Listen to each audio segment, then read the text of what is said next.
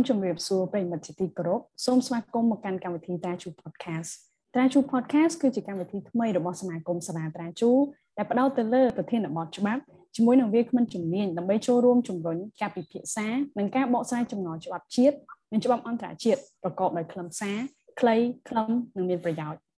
នាងខ្ញុំឈ្មោះលឹមមួយញឹមជាអ្នកសម្របសម្រួលកម្មវិធីនៅក្នុងថ្ងៃនេះនៅក្នុងសប្តាហ៍នេះដែរកម្មវិធីយើងនឹងផ្ដោតទៅលើប្រធានបទ អនុលោមភាពនៃបទដ្ឋានគតិយុត្តអន្តរជាតិជុំវិញដំណើរទស្សនកិច្ចរបស់ប្រធានអាស៊ានទៅកាន់ប្រទេសមីយ៉ាន់ម៉ាដើម្បីជាការបកស្រាយក៏ដូចជាឆ្លើយសំណួរជុំវិញប្រធានបទនេះយើងបានអញ្ជើញលោករស់សយ៉ាំភូដែលជាអ្នកស្រាវជ្រាវដំបូងនៃសាលាត្រាជូមកធ្វើការបកស្រាយក៏ដូចជាផ្ដល់ពិធីនិងមតិយោបល់បន្ថែមជុំវិញបញ្ហានេះដូច្នេះហើយសូមប្រិយមិត្តតាមដានស្ដាប់បទសម្ភាសន៍នេះដូចតទៅ សូមគោរពជំរាបសួរលោកសខ្ញុំពូបាទជំរាបសួរមកយាមចាអឺលោកដោយសារតែកម្ពុជាយើងក្នុងនាមជាប្រធានអាស៊ាននឹងមានជំនួបជាមួយនឹងមេដឹកនាំនៃសាធារណរដ្ឋសហភាពមីយ៉ាន់ម៉ានៅក្នុងពេលខាងមុខនេះតើជំនួបនេះអាចចាត់ទុកថាជាការទទួលស្គាល់របបដឹកនាំក៏ដូចជាអង្គើរំលោភបំពានសិទ្ធិមនុស្សដែលកំពុងតែកើតមានឡើងនៅក្នុងប្រទេសមីយ៉ាន់ម៉ាដែរទេលោកជាពិសេសតើជំនួបនេះស្របទៅតាមបទដ្ឋានគតិយុត្តអន្តរជាតិដែរឬទេ បាទអរគុណមកយាមសម្រាប់សំណួរដ៏មានន័យនេះហើយជាដំបូងខ្ញុំសូមគោរពជំរាបសួរប្រិមិត្តគ្រប់ជាន់ថ្នាក់ដែលបានបន្តតាមដានស្ដាប់កម្មវិធីត្រាជូ podcast ហើយសប្តាហ៍នេះខុសពីសប្តាហ៍មុនមុនដែលឡែកខ្ញុំជាវាគ្មិនម្ដងអឺតែសូមវិលមកសំណួរយើងទី1វិញហើយសំណួរនេះក៏មានការចាប់អារម្មណ៍ពីអឺសាធារណមតិមួយចំនួនហើយក៏មានការផ្សព្វផ្សាយទៅនៅក្នុង សារព័ត៌មានជាតិនិងអន្តរជាតិថាតើវាជាការទទួលស្គាល់ទេទទួលស្គាល់របបមេដឹកនាំសាធារណរដ្ឋសហភាពមីយ៉ាន់ម៉ាឬក៏ជាការរំលោភបំពានសិទ្ធិមនុស្សថាតើកម្ពុជាទៅនឹងក្នុងន័យអីអញ្ចឹងកន្លែងនេះខ្ញុំសូមអនុញ្ញាតវែកញែកអឺបន្តិចថាសាធារណមតិក៏គាត់គួរតែយ៉ាងហោចណាស់វែកញែកថាតើសកម្មភាពនេះគឺជាសកម្មភាពស្វែងរកសន្តិភាពឬក៏ការ អនុវត្តកាតព្វកិច្ចដែលមានអនុលោមភាពតាមច្បាប់អន្តរជាតិឬក៏ជាដំណើរទស្សនកិច្ចក្នុងការទទួលស្គាល់របបឬក៏ការទទួលស្គាល់ការអំពានសិទ្ធិមនុស្សកន្លែងនេះខ្ញុំសូមបើកបំពង់កញ្ចក់បន្តិចថាបើសិនជាយើងចាត់ទុកថាដំណើរទៅកាន់សាធារណរដ្ឋនៃសហភាពមីយ៉ាន់ម៉ាក្នុងពេលនេះរបស់កម្ពុជាហើយក្នុងជាឋានៈជាប្រធានអាស៊ានជាការទទួលស្គាល់នោះអញ្ចឹងយើងដាក់ជាសំណួរទៅវិញឧទាហរណ៍ថាប្រទេសរដ្ឋអំណាចមួយចំនួននៅគាត់ គាត់បានធ្វើដំណើរទស្សនកិច្ចទៅកាន់ប្រទេស for example ឧទាហរណ៍ឧទាហរណ៍អ៊ីស្រាអែលដែលដែលនៅក្នុងពិភពលោកយើងមានប្រទេសមួយចំនួនគាត់គ្រប់គ្រងប្រទេសមួយចំនួនទៀតបានចោទប្រកាន់ថាអ៊ីស្រាអែលបានបំពានសិទ្ធិមនុស្សជាពិសេសទៅកាន់ប្រជាជនប៉ាឡេស្ទីន for example ជាឧទាហរណ៍ថ្មីថ្មីនេះគឺប្រទេសមហាអំណាចមួយចំនួនបានធ្វើការជាមួយនឹងក្រមតាលីបង់ថាតើនេះគឺជាការទទួលស្គាល់របបដែរឬទេ អឺហើយក៏មានឧទាហរណ៍ផ្សេងផ្សេងទៀតឧទាហរណ៍នៅអេស៊ីបជាមួយនឹង Hosni Mubarak ដែលពីមុនក៏មានប្រទេសមួយចំនួនចាត់ទុកថារបបនេះជារបបដែលបានប៉ះពាល់សិទ្ធិមនុស្សឬក៏មិនប្រជាធិបតេយ្យតែនៅក៏នៅមានរដ្ឋអំណាចមួយចំនួននៅធ្វើការជាមួយអញ្ចឹងនេះគ្រាន់តែជាការទាញអារម្មណ៍បន្តិចតែឡែកយើងបកមកវិញថាតើដំណើរទស្សនកិច្ចកម្ពុជាជាជាទស្សនកិច្ចដែលអនុលោម ហើយជាការទទួលស្គាល់ដែរទេសម្រាប់ខ្ញុំជាអ្នកស្រាវជ្រាវហើយជាពិសេសអត្ថបទខ្ញុំនឹងមានអត្ថបទមួយចុះផ្សាយនៅក្នុងប្រតិបត្តិចោលសារជូលេខទី2ដែលនឹងចុះខែមករានេះគឺកតាបកិច្ចយើងមានកតាបកិច្ចអនុលោមតាមគតិយុត្តអន្តរជាតិជាពិសេសទៅតាមធម្មនុញ្ញអង្គការសហជីវជាតិមាត្រា1យើងអាចមើលពិនិត្យមើលមាត្រា1មាត្រា55 56 ដែលឆ្លុះបង្ហាញអំពីមិត្តភាពសាមគ្គីភាពនិងការដោះស្រាយបញ្ហាដោយសន្តិវិធីហើយយើងត្រូវដោះស្រាយបញ្ហាហ្នឹងដោយសន្តិវិធីជាអន្តរជាតិយើងត្រូវ exhaust យើងត្រូវធ្វើម៉េចឲ្យយន្តការដោះស្រាយដោយសន្តិវិធីហ្នឹងប្រអស់លទ្ធភាពសិនអឺលើសពីហ្នឹងទៀតយើងអាចមើលឃើញថា សេចក្តីថ្លែងការណ៍ទីក្រុងម៉ានីលស្តីពីការដោះស្រាយវិវាទអន្តរជាតិដោយសន្តិវិធីក៏ដូចជាសេចក្តីថ្លែងការណ៍ស្តីពីការទប់ស្កាត់នឹងលុបបំបាត់វិវាទនិងស្ថានភាពដែលអាចគំរាមកំហែងដល់សន្តិភាពនិងសន្តិសុខអន្តរជាតិលើទូនីតិរបស់អង្គការសហជីវជាតិក្នុងវិស័យហ្នឹងយើងមើលឃើញថាគាត់បានផ្ដល់ជាអនុសាសន៍ថាត្រូវដោះស្រាយអស់លទ្ធភាពនៅក្នុងតំបន់សិនហើយយន្តការដែលត្រូវដោះស្រាយនោះគឺតាមយន្តការពិគ្រោះយោបល់ ហើយសន្តិវិធីភាសាគ្នាអញ្ចឹងទោះបីជាឯកសារទាំងពីរហ្នឹងហាក់បីដូចជាមានតម្លៃគតិយុត្តมันយើងអាចនិយាយបានថាมันស្មើនឹង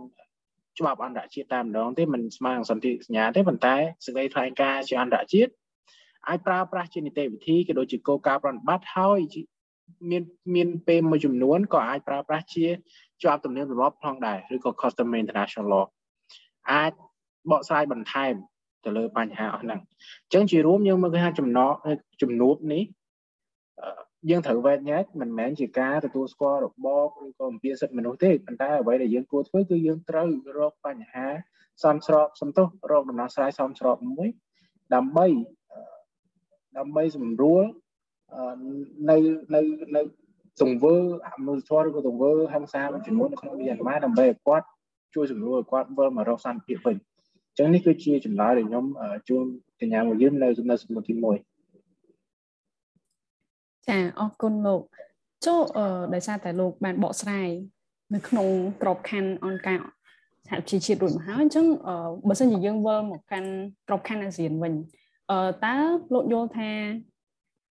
ជំនួបនេះគឺខុសអំពីស្មារតីរបស់អាស៊ានដែរទេដោយសារយើងមើលឃើញថាសមាជិកអាស៊ានមួយចំនួននៅពេលនេះគឺគ្រប់គ្រងការបន្តដាក់សម្ពាធ ទៅលើប្រទេសមីយ៉ាន់ម៉ាដូចជាការមិនអនុញ្ញាតឲ្យប្រទេសនេះចូលរួមក្នុងកិច្ចប្រជុំនានាបើសិនជាពុំមានការបញ្ឈប់អំពើហិង្សានៅក្នុងប្រទេសមីយ៉ាន់ម៉ាតើលោកយល់យ៉ាងម៉េចដែរលោកបាទអរគុណណាកញ្ញាមកយើងសម្រាប់សំណួរ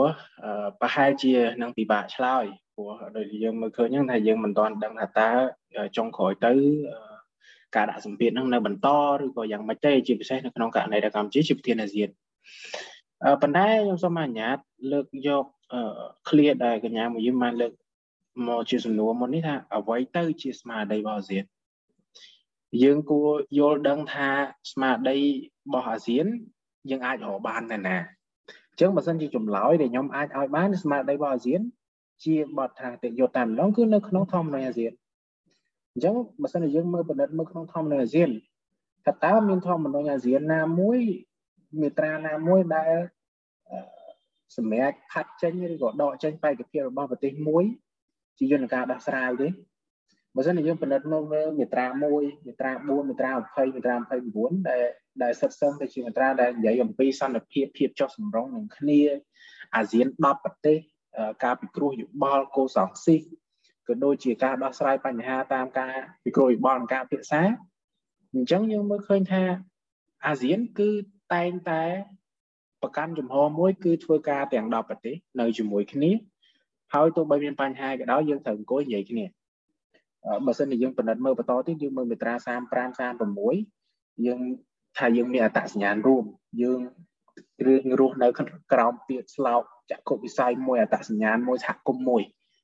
អញ្ចឹងអាហ្នឹងឯងជាស្មារតីរបស់អាស៊ានបើសិនជាយើងដកប្រទេសមួយចេញថាតើអាស៊ានហ្នឹង នៅនៅបន្តជាអាស៊ានទៀតទេបើសិនជាសមាជិកគាត់បាត់មួយគោសង្ស៊ីសនៅអាចបន្តបានទេឥឡូវយើងមើលទៅមួយទៀតយើងមើលស្មារតីរបស់អាស៊ានហ្នឹងខ្ញុំផ្សារភ្ជាប់ទៅអាស៊ានវិញរបៀបរបស់អាស៊ានអាស៊ានមានមានរបៀបធ្វើការរបស់អាស៊ានខ្ញុំសូមអនុញ្ញាតលើឧទាហរណ៍ការពីមីយ៉ាន់ម៉ាមុនពេលចូលជាសមាជិកអាស៊ានហើយនឹងក្រោយពេលចូលមករយៈគាត់ក៏មានបញ្ហា មិនថាដូចគ្នាក៏ប្រហាក់ប្រហែលហ្នឹងមានបញ្ហាផ្ទៃក្នុងរបស់គាត់នៅពេលនោះរដ្ឋមន្ត្រីក្រសួងការបរទេសប្រទេសមួយចំនួននៅក្នុងអាស៊ាន បានលើកយកមកបានបានលើកបញ្ហានេះមកពិភាក្សាគាត់ថាអាស៊ានមានវិធីធ្វើការរបស់អាស៊ានគឺធ្វើការដោយស្ងាត់ស្ងាត់រក្សាមុខមាត់ឲ្យគ្នាគ្មានការផ្សព្វផ្សាយគ្មានសេចក្តីថ្លែងការណ៍អញ្ចឹងយើងមើលឃើញថាអាស៊ានមកមកមកដល់ពេលនេះគឺ រាប់សិបឆ្នាំមកហើយហើយយើងធ្វើទៅបានដោយសារតែគោលការណ៍អាស៊ានដែលខ្ញុំបានរៀបរាប់ពីខាងដើមនៅក្នុងធម្មពលអាស៊ាននេះឯងតែបើសិនជាយើងពិនិត្យមើលមួយផ្នែកទៀតថាការដាក់សម្ពាធហ្នឹងតើត្រឹមត្រូវឬទេដោយកញ្ញាមួយយើងមកលើកឡើងថាមានប្រទេសមួយចំនួនគាត់ថាគិតនឹងអាចដាក់សម្ពាធមិនត្រឹមតែប្រទេសមួយចំនួនក្នុងអាស៊ានហើយអាចពីខាងក្រៅអាស៊ានទៀតផងអឺអញ្ចឹង សួរថាបើសិនជាធ្វើអញ្ចឹងត្រូវឬអត់ដូចខ្ញុំបានមានអឺមតិយោបល់ពីខាងដើមសំបីតែច្បាប់អន្តរជាតិសំបីតែច្បាប់ក្នុងអាស៊ានក៏សង្កត់ធ្ងន់ទៅលើការដោះស្រាយបញ្ហាដោយសន្តិវិធីសាមគ្គីគ្នាស្មាស្មារតី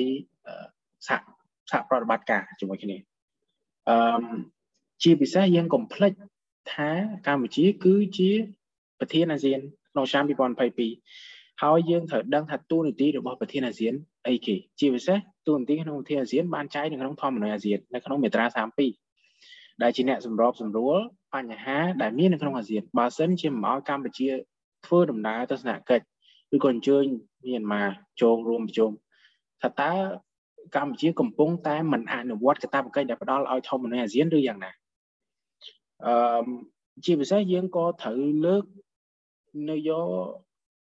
ការឯកភាពឯកច្ឆ័ន្ទ5ចំណុចរបស់អាស៊ានដែលបានសម្រេចកាលពីដើមឆ្នាំ2021កន្លងទៅអឺ5ចំណុចហ្នឹងយើងត្រូវដឹងថាបើសិនជាក្នុង5ចំណុចហ្នឹង5ចំណុចហ្នឹងកម្ពុជាជាប្រធានអាស៊ានផងហើយកម្ពុជាមិនអនុវត្តឧទាហរណ៍ថាมันបញ្ជូនប្រេសិតពិសេសខ្លួនទៅมันទៅរួមជួយសម្របសម្រួលអញ្ចឹងការឯកភាពឯកច្ឆន្ទជា5ចំណុចហ្នឹង យើងយើងឯកភាពដើម្បីអីបើសិនជាអត់មានអ្នកទៅ implement អ្នកទៅធ្វើផងអញ្ចឹងសរុបមកវិញខ្ញុំខ្ញុំអាចជំរាបជូនថាជំនួបនេះมันផ្ទុយនឹងស្មារតីអាស៊ានទេដោយឡែកអ្វីដែលកម្ពុជាធ្វើក្នុងនាមជាប្រធានអាស៊ានក្នុងនាមជាសមាជិកអាស៊ានក៏ក្នុងនាមជាសមាជិកអង្គការសហប្រជាជាតិកម្ពុជាកំពុងតែធ្វើអ្វីដែលអនុលោមនៅក្នុងច្បាប់ជាតិអាសំទោសច្បាប់អន្តរជាតិទាំងតំបន់ទាំងពិភពលោកហើយ នេះក៏មិនមែនគ្រាន់តែជាអីដែលគួរធ្វើនេះជាកាតព្វកិច្ចបាទអញ្ចឹងខ្ញុំសូមជំរាបជូនមួយយឹមវិញប៉ុណ្នេះសម្រាប់សំណួរទី2ចាសូមអរគុណដល់លោកសញ្ញាមពូក្នុងការរំលឹកអំពីជាពិសេសតកតងជាមួយនឹងស្មារតីរបស់អាស៊ានក៏ដូចជាកាតព្វកិច្ចក្នុងនាមជាប្រធានអាស៊ានផងដែរអញ្ចឹងជាចុងក្រោយខ្ញុំមានសំណួរមួយចុងក្រោយសម្រាប់លោកគឺថាតាមគំនិតរបស់លោកផ្ទាល់តើលោកយល់យ៉ាងណាដែរចំពោះដំណើរទស្សនកិច្ចលើកនេះរបស់កម្ពុជាជាពិសេសក្នុងនាមជាប្រធានអាស៊ាននេះតែម្ដង ទៅកាន់សាធារណរដ្ឋសហភាពមីយ៉ាន់ម៉ានេះបាទអរគុណសម្រាប់សំណួរដែលបានឲ្យខ្ញុំបង្ហាញបន្ថែមទៀតនៅគំនិតរបស់ខ្ញុំបណ្ដែគំនិតរបស់ខ្ញុំក៏វាស្ដែងចេញពីការស្រាវជ្រាវដែរក៏មិនមែនបានន័យថាការស្រាវជ្រាវនេះជាអ្នកឯកទេសអីទេគ្រាន់តែមានការចង់ដឹងបន្ថែមពីបញ្ហានេះអឺសម្រាប់ខ្ញុំផ្ទាល់ខ្ញុំគិតថា អ្វីដែលកម្ពុជាកំពុងតែធ្វើជាពិសេសដំណើរទស្សនកិច្ចទៅកាន់អាស៊ានសំទោសទៅកាន់មីយ៉ាន់ម៉ានៅពេលនេះគឺទី1កម្ពុជាអនុវត្តកាតព្វកិច្ចនិងភារកិច្ចដែលអនុលោមតាមច្បាប់អន្តរជាតិដែលខ្ញុំបានលើកឡើងពីខាងដើមនោះស្រាប់ទេនេះជាទី1ទី2គឺកម្ពុជាកំពុងជួយសម្របសម្រួលស្ថានភាពនៅមីយ៉ាន់ម៉ាហើយការជួយសម្របសម្រួលនេះគឺ ជាថ្មីម្ដងទៀតអនុលោមតាមច្បាប់អន្តរជាតិប៉ុន្តែកន្លែងនេះខ្ញុំសូមអនុញ្ញាតគូសបង្ហាញថាការជួយសម្របសម្រួលនេះក្នុងនាមជាប្រធានអាស៊ានក៏ដូចជាសមាជិកអាស៊ានមានការគ្រប់គ្រងពីក្រមរក្សាសន្តិសុខអង្គការសហប្រជាជាតិមានការគ្រប់គ្រងពីសហភាពអឺរ៉ុបមានការគ្រប់គ្រងពីប្រទេសមហាអំណាចមួយចំនួនដូចជាអាមេរិកជាដើមដែលគាត់បានចេញស្ដីថ្លែងការណ៍ថាគាត់នឹងគ្រប់គ្រងអាស៊ានជាពិសេស គ្រប់គ្រងការអនុវត្តនៅការឯកភាពគ្នាជាឯកច្ឆន្ទ5ចំណុចនោះអញ្ចឹងហាក់បីដូចជាមិនមានបញ្ហាជាពិសេសมันមានបញ្ហាគតិយុត្តណាមួយដែលហាមឃាត់កម្ពុជាក្នុងនាមជាប្រធានអាស៊ានក្នុងការទៅធ្វើការជាមួយសហភាពមីយ៉ាន់ម៉ានោះទេទី3អឺយើងគួរមានការបែងចែករវាងការទទួលស្គាល់របបឬក៏ការបំពេញសិទ្ធិមនុស្សនិងការដំណើររកស្វែងរកសន្តិភាព ជូនប្រជាជនមីយ៉ាន់ម៉ាដែលមានចែងនៅក្នុងចំណុចទី1នៅក្នុងការឯកភាពជាឯកច្ឆន្ទ5ចំណុចនោះដែលចំណុចទី1នោះគឺថាធ្វើយ៉ាងណាអឺជាប្រធានអាស៊ានត្រូវស្វែងរកដំណោះស្រាយក៏ដូចជាការសម្របសម្រួលឲ្យមាន